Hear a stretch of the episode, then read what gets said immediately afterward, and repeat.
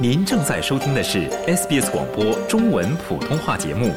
更多节目内容请浏览 sbs 点 com 点 au 闲斜杠 mandarin 或下载应用程序 SBS Radio App。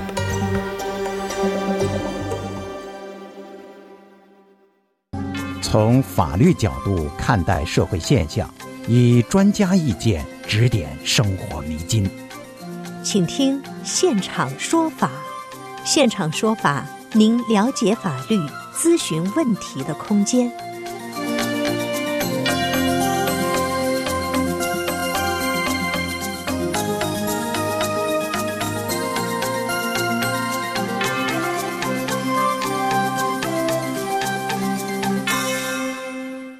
听众朋友您好，欢迎您继续收听 SBS 广播中文普通话节目。周二为您带来的现场说法听众热线节目，我是刘俊杰。我们看到呢，有数据显示，在二零二二至二三财年呢，维州交通和规划部呢收到了一千五百三十二份与道路坑洼造成损失有关的赔偿要求，不过哈，只有一份被评估为应该赔偿。道路坑洼造成损失，应该由谁负责呢？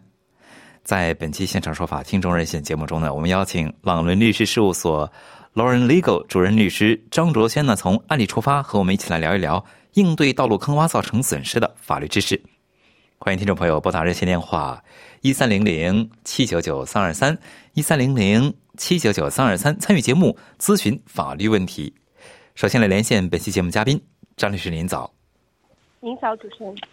非常谢谢张律师做客我们的节目哈。张律师就是说，如果我作为一个司机哈，在路上开车的时候呢，由于路面上的坑洼而，比方说这个汽车的轮胎或者轮毂或者其他部位受损失了，或者是因为这个坑洼而发生，比方说剐蹭了哈，这个应该由谁来负责呢？嗯，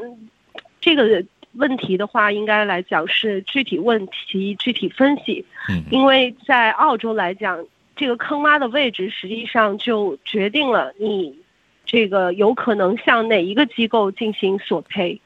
嗯，一般来说，这个澳大利亚的道路哈，都比方说都是由哪些机构来、哪些政府部门来负责的？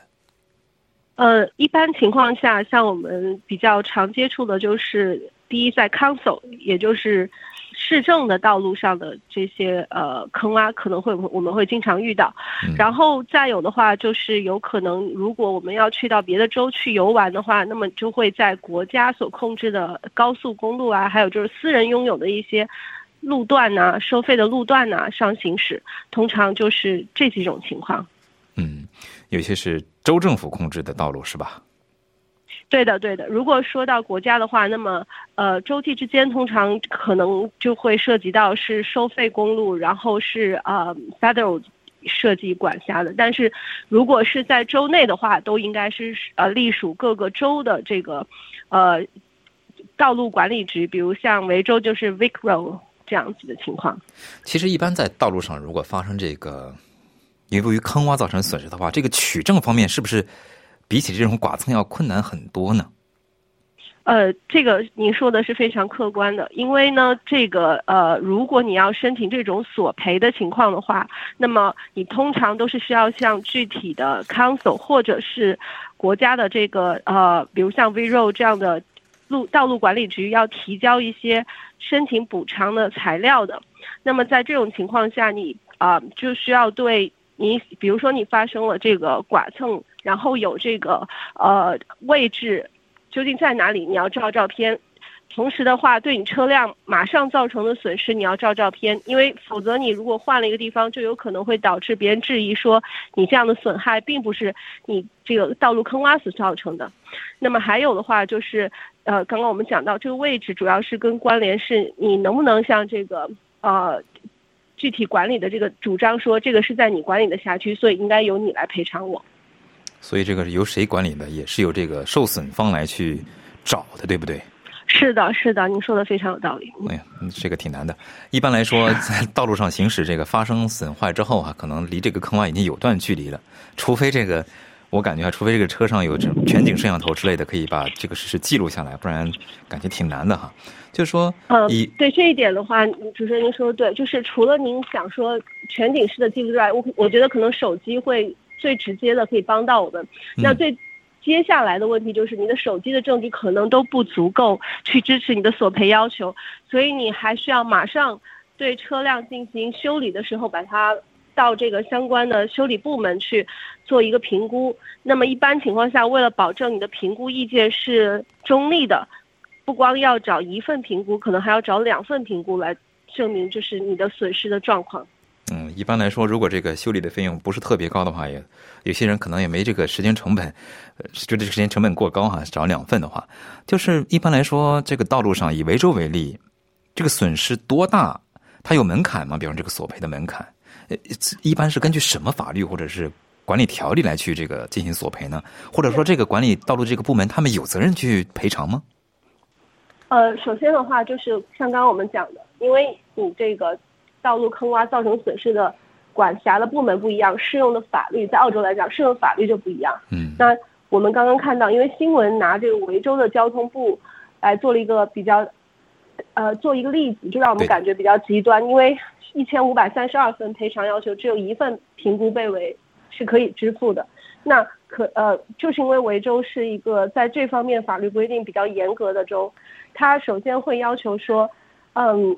就是比如像我是索赔人的话，我要首先按照这个 Road Management Act two thousand and four，也就是二零零四年的道路管理法，去证明公路管理局 Vicro 并没有按照法律规定。去履行他的义务，所以，比如他有维护的义务，如果他没有维护的义，就达实现他没有维护的义务的话，造成了我的损失，他才需要索呃，就是他才需要赔偿我。然后其次的话，如果造成我的损失，像您说的，只是一两百块钱的话，他也没有义务赔偿我，因为他有一个最低门槛，一千五百八十美金的损失他才要赔偿。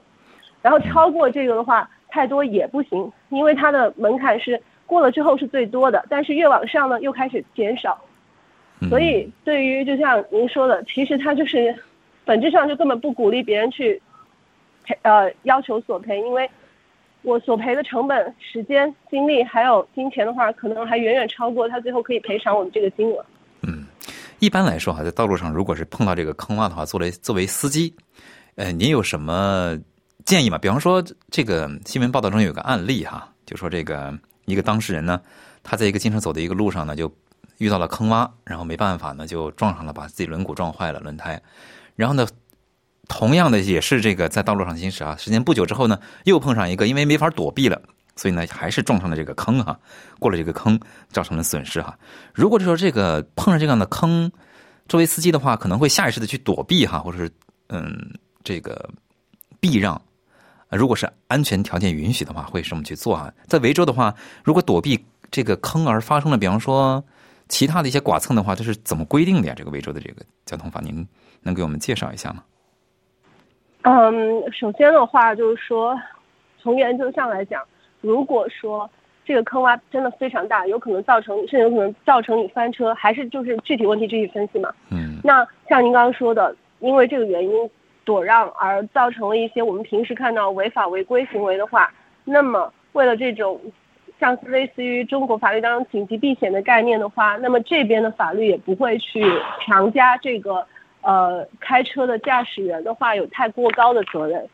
但是呢，比如说只是一个小的坑，你本身呃在这个道路上减速就可以处理的，但是你非要用这种比较更更更呃大的一个行为去来躲让小的坑洼的话，就有可能会。如果造成了就是你违规怎么被抓到的话，可能还是会要求你去负承担这些责任的。所以说，在一般情况下，如果说我们啊发现了有这些坑洼，或者知道这个地方，因为我们知道就是很多地方它是会竖这个牌子提醒你这个地区是坑洼比较多的地区，对，或者是有动物的地区。那么在这种地区的话，我觉得就是一般的司机而言的话，他最好还是警惕力、警惕性更强一点。那如果说是有条件的驾驶员的话，那么他可能在购买保险的时候，因为啊，我们了解到就是有一些保险公司的保险合约上会讲说，像这样的情况他们也保。那如果有这个条件或者对这个呃，就是经常有可能会遇到这个问题的司机的话，可以考虑在保险条款上来保护自己。哦，就说不一定是说所有的全险都包含这个坑洼造成的损失哈，就是说还是看这个合同里面是怎么写的。是的。嗯，非常感谢张律师的介绍哈，听众朋友，您正在收听的是现场说法听众热线节目。呃，刚才呢，张律师从案例出发聊了聊应对道路坑洼造成损失的相关法律知识。欢迎听众朋友继续拨打热线电话一三零零七九九三二三一三零零七九九三二三参与节目咨询法律问题。接下来我们接听听众电话，这位是张先生，张先生您好。哎，张律师好。哎，您好，您请讲。哎，你好。呃，在呃，我我在十年以前啊，立了立了一份遗嘱，就是关于在我百年之后啊，把我的房产给我的太太。呃，我现在呢，跟太太跟以前呢已经分居了。我想问一下啊，这个遗嘱还有没有效果？另外，还还就是这个遗嘱有没有有效期啊？或者过了多少年之后？要重新立啊什么的，我想问这这个问题，谢谢。嗯，呃，张先生，我的建议是你需要立一份新的遗嘱，因为遗嘱本身的话，并不会因为你啊离婚、结婚这些呃直接影响到它的效力，它有可能因为你分居、离婚之后，比如说你有子女等等，提出了说，因为你跟你啊前妻之间的话。有什么样的这个问题？呃，财产问题没有处理，所以你的这个遗产的话，分配的话就不能按遗嘱走，这个是可以的，嗯，但是它并不会说因为你的分居、离婚等等就会造成这个遗嘱必然无效，所以最好的方式，呃，你任何的这种关系发生变化的时候，都要去把你的遗嘱做一定的修改和澄清。其次的话，就是如果你已经分居了，或者是呃离婚了的话，那么最好跟你的前伴侣要做一份财产上的了结，要么的话大家能够和平相谈的话，那么就是一个财产分配的协议。为什么要做这个行为呢？就是因为可能你认为，比如说这个房产注册在我名下，我们没有做这样的协议，他也没有权利来分配，但实际上并不是这样子的。就是说，你任何在任何夫妻啊分开之前，在这个夫妻名下的这些财产，即使你分开的时候没有做分配，之后如果另外一方想要说你这个没有分配财产然后实际上他是有权利的话，他是都可以提出来的。包括你过世的时候，就算你立了遗嘱说，我把什么什么样的财产给什么什么人，那么作为你的前妻，特别是如果他并没有在离婚分居的时候跟你做这种财产协议。或者没有在呃诉讼上得到一个法律判决对这个财产进行分配的话，那么在呃澳洲来讲，都会给这个前妻有一个权利，去证明说他在你的遗嘱当中，呃，sorry，遗产当中不是遗嘱，就即使遗嘱没有他的名字，或者说不给他任何的东西，那么他都是有权利向法官提出来说，在你的遗产上面，因为之前你们离婚的时候没有或者分居的时候没有进行分配，所以实际上他的财产权利。是在你的遗产当中的，他有权利在你的遗产当中分得一份。嗯，呃，我我就是问一下，就是我以前订的这份遗嘱还有没有效力？我就想问这个问题。我跟您回答的问题就是说，没有这么简单。在法律上，你要考虑的是我刚刚说的所有问题，而不是仅仅的一份是一个一个问题，就是有没有效力。这个您听明白了吗？具体问题具体分析。因为您问我的问题是说，你这个遗嘱有没有效力？第一，如果你的遗嘱。在你死了之后，你遗嘱上肯定有个执行人，执行的时候没有人任没有任何人提出异议的话，那么多半法院会尊重你遗嘱所写的内容。但是如果像我刚刚说的，任何一个有权利人提出质疑的话，那么法律就会考虑说你。没有没有，现在没有任何人提出异议。我不是说现在张先生，我不是说现在，我说你过世的时候。哎，没有任何人异议。我说的是您过世的时候。对我过世以后，因为因为这这个情况已经很明明确了，我就是张张医生，这是您自己的判断，但是我作为律师来讲，我不可能根据你的判断或你的假定来给你任何你想要听到的意见，所以我必须把所有可能发生的事情跟您讲明白，然后您自己去判断您究竟要不要去修改你的遗嘱，明白了吗？OK，那么就是这个遗嘱有没有有效期啊？就是我已经十年以前订的，呃，如果有有没有还有有没有用？我跟您说过，您订的任任何一份法律文件，它都不存在说无效、无效或者说因为时间而无效的问题，除非你的法律文件自己有这么写。它真正的效率的话是效力的话是根据你具体周围发生的情况和时间发生的变化，人的心态的变化对这个文件呃所提出的质疑等等，使得它的效率受到影响。所以你可以把这些文件看作不是说一个法律规定吧，而是像一份证据一样，就是在英美法系当中，像这些您订立的合约啊、遗嘱啊，更多的是体现你人的本身当时的这个呃意思和你想要做出来一些判断。所以作为法院来讲，更多的是把它看作是一个呃。证明和证据的效力，然后从而根据具体情况分析说，这样子尊重你这份协议或者遗嘱的话，是在这个社会秩序当中是呃有没有影响到公共利益，嗯有没有真正的尊重到您本人的意愿，他是从这个角度去看这个问题的。嗯，好，谢谢张律师，我谢谢明白了。张先生，供您参考，嗯谢谢您。听众朋友，热线电话依然是一三零零七九九三二三，非常欢迎您拨打来咨询法律问题。接下来这位听众是洪先生，洪先生您好，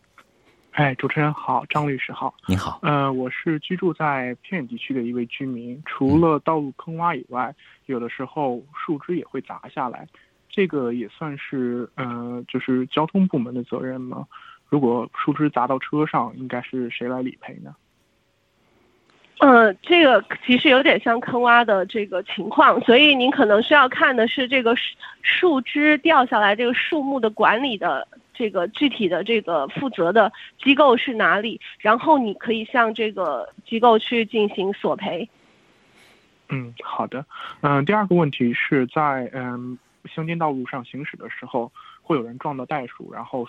呃尸体袋鼠的尸体就会在路上。那如果其他的车辆嗯碾到袋鼠的尸体上，然后造成了损失，嗯，是不是也是谁来负责？然后如果撞死袋鼠的话，是不是有义务把这个袋鼠的尸体拖到路边呢？呃，这个不光是说你有义务拖到路边的问题，你有义务马上停车然后报警，嗯，因为就像你说的，嗯这个是有可能对其他车辆造成这个风险的。你遇到这种问题的话，你肯定是要报警的。然后你把车辆停到路边，然后警察过来处理之后的话，你再离开。嗯，好的，嗯，下面的问题是关于呃买期房的问题，呃，我想问，就是买期房的时候，一般是什么时间去签合同？我什么时候应该找律师跟我一起看合同呢？呃，这个 期房的话，嗯、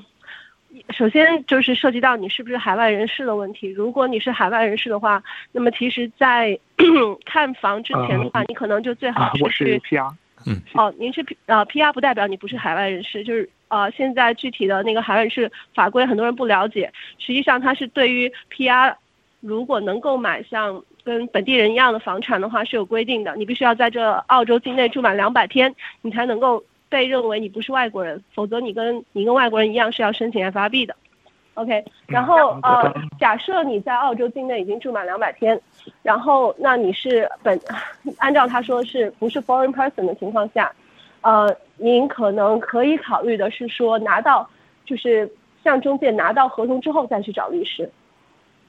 嗯，拿到合同之后我应，该找什么样的律师？有没有专门的某一个种类的律师？还是我找任何律师都可以帮我看合同？呃，一般而言的话，就是呃，做房产过户比较多的律师会比较适合帮你看期房。嗯嗯，好，那我最后一个问题是关于呃贷款经理的问题。如果我要换贷款经理，我跟上一任贷款经理，呃，房贷经理有没有什么需要注意的法律问题？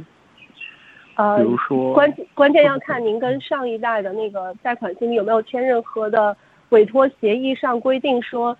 你在某一段时期只能够找他。这个这个跟中介一样，因为有一些中介和像这种帮你代理做事的时候，他呃代理做事情的人的话，他可能会跟你签订一个所谓 exclusive 的这种 authority。嗯，如果没有的话，你就不用太担心这个问题。嗯呃，那我换，嗯，比如说贷款经理需不需要一个合理的原因？还是如果只要嗯没有 exclusive，哦，我可以，呃，就直接告诉他我的决定，但不需要解嗯释，在在法律上是这样子的，因为在法律上我们只看合约。嗯嗯好的，谢谢张律师。哎，谢谢洪先生的咨询哈哦，。那呃，不好意思，呃这个在偏远地区的话，有的时候路面上还会有一些石子，有的时候行驶的时候会，嗯，就是崩到车上，这个是不是和袋鼠和树木一样，要看是谁管理？是的，嗯是的，是的。嗯，好嘞好，，谢谢洪先生咨询，祝您顺利。听众朋友，欢迎您继续拨打热线电话一三零零七九九三二三来，我们向我们做个热线的现场嘉宾张哲轩律师咨询法律问题。接下来这位听众是金女士，金女士您好，哦，你们好。哎，您呃好，这样我也是谈一个路面路面不平的问题造成了事故，就是星期天在各个 suburb 它都有 some market 是吧，open market，那么人去的人很多，那么 council 的 first aid 也去了，有很多的管理人员，但是由于地面不平，就是地上的铺的地砖它高出来了，所以行人走过去就摔下去了，摔出去了。这个人由于头先朝下，他的脸破了，那个牙齿也出血了，嘴巴也出血了，而且最主要他的眼睛都打碎了。那么当当然都不是重伤，对吧？腿也摔破了，都不是什么骨头撞伤，不是重伤，但是至少这个人的眼睛，一副新的眼睛打破了。那么找康守赔，康守他说我们不管这个事情的。那么当时那时候呢风水 A 也过来 check 了，他们确实认为这是地砖太高，突然高出来一个一块了，因为时间长了不平了，所以造成事故了。但是康守他们地上去报告，康守说他们不负责的。那因碰到这个事情该怎么办呢？呃，您您说的这个情况跟我们讲的这个汽车是两码事儿，因为您说的是造成的人身伤害。像这种的话，我的建议是您最好要找一个专门做这种呃人身伤害的这种律师，所谓的叫 personal injury 的 lawyer，因为他们来讲的话，对于即便是 council 这种呃维护路面造成的这种问题的话，呃，保险公司应该也会有一部分呃这种呃，当然我不知道具体这个地方会不会有保险，就是 public liability 这种保险，但是据我了解应该是有这个可能性的，啊、因为我本人并不是做 personal injury 的律师，所以如果你是造成人身伤害的这种的话，我的建议是你最好去找一个专门做人身呃责任险的这种律师的话，帮你去争取利益，而且这个的话，我认为应该是。会争取到利益的，不会像您说的话，就康总说这个跟我没关系就不处理的，因为这个跟车辆的损失是两码事儿。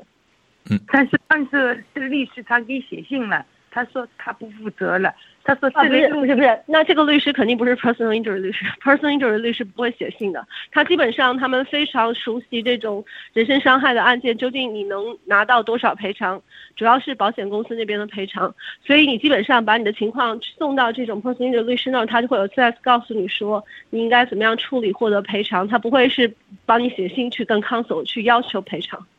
嗯不是这康守的律师写信给我了，他说我们不赔的，可不能是你不要你不要管 council 的律师写没写信，你要找你合适的律师。你找对了律师的话，这个律师就知道怎么样帮你解决问题，并不是所有的律师他都知道怎么解决问题的。我只是提醒您这一点。哦，好的，好嘞好，谢供您谢您啊参考，金女士，找找 personal injury 的律师来去帮一下哈。祝您顺利。接下来我们继续接听听众电话，这位是陈先生，陈先生您好，喂，您好，是我吗？哎，是您，您请讲，陈先生。你好，哦，嗯、早上好，那个呃，主持人和那个律师，啊、我这边是呃，我的邻居呢，呃，建了鸟房，嗯，跟着嗯，我这边有几个问题，一个是，呃，我在一个多月前已经呃呃发了邮件给到康守的那个 Senior Environment Compliance Officer，他也确认收到了，但是他呃说他会按照 State New South Wales 的的那个那个规定来去执行。但那个是比较松松的，只是说，呃，移开半米就离开那个 fence 半米，但是呃，因为那个鸟房建在离我们的那个税房比较近，所以呃，这个还是很很大的那个影响。跟着，但是那个康守那边的规定是离开那个 fence，那么离开我们的 building 要有十米之外，呃，但是那个呃 compliance officer 呢，他就之后就没有再去，他呃收到我呃呃确认收到了，跟着他说他会按照那个来执行，跟着我们就说，哎，这个你们康守不是有这样的一个规定吗？有这样的 policy，不应该按照来执行吗？跟着呃，我隔一两个星期再追问一下他什么样一个 status 了。到过了现在已经差不多两个月了，他都没有任何的回复给我。我就想问一下，我们下一步可以怎么样去做？呃，而且这一个是不是康守这边是有义务去按照他们自己的 policy 来去执行的？这是第一个问题。呃，我我想跟你解释的就是，像康守的这些情况的话，并不是你想的样子。就是说，如果他的 rules 有，特别是对这些房屋距离有多远，然后哪些东西离多远的话，他并不是说，呃，如果说他没有管，他就一定是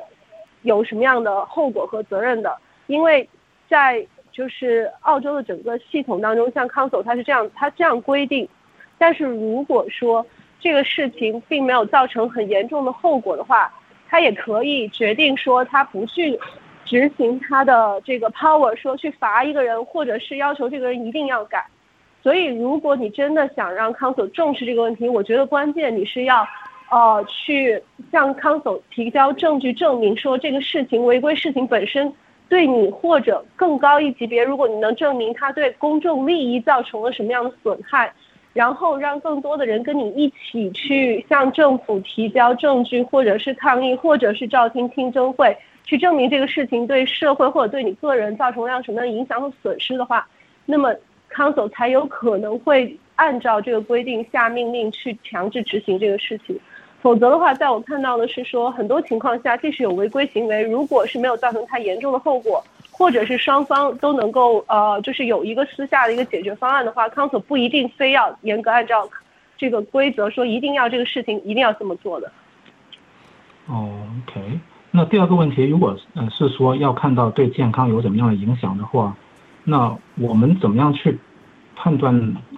就是说，你就要找专家报告呀，你要找专家报告呀，你至少要有一个呃医生的证明说。你比如患的患了什么样的疾病，是有可能由于什么样的问题造成的？比如说像呃之前比较去年比较热议的话题，就是有一些楼房里面有这个霉菌，但是你并不是说一旦有霉菌的话，这个屋主就一定有什么样的责任。通常情况下，嗯，有一些霉菌的鉴定公司会提供报告来证明说你这个霉菌是怎么产生的，然后对你的呼吸健康造成什么样的影响。那这些报告拿出去之后的话，那很有可能房东就要承担责任，就要赔偿，就要去处理这些问题。嗯，你懂了吧？就是在澳洲这个社会，很多情况下，如果你真的是要让 council 或者任何机构取得一个平衡的话，那么你就有很多的举证的这些方面需要去做。好嘞，陈先生，由于时间关系呢，就是今天节目要和您说再见了，非常感谢您咨询。没有接听的听众电话没关系，下周二同一时间，非常欢迎您拨打来咨询法律问题。因个人情况因人而异，法律问题复杂，本节目仅供一般性参考，并无意提供任何个案法律建议。具体法律纠纷，请咨询专业律师。想听到更多这样的故事吗？您可以通过苹果播客、谷歌播客、Spotify 或者您喜爱的方式下载收听。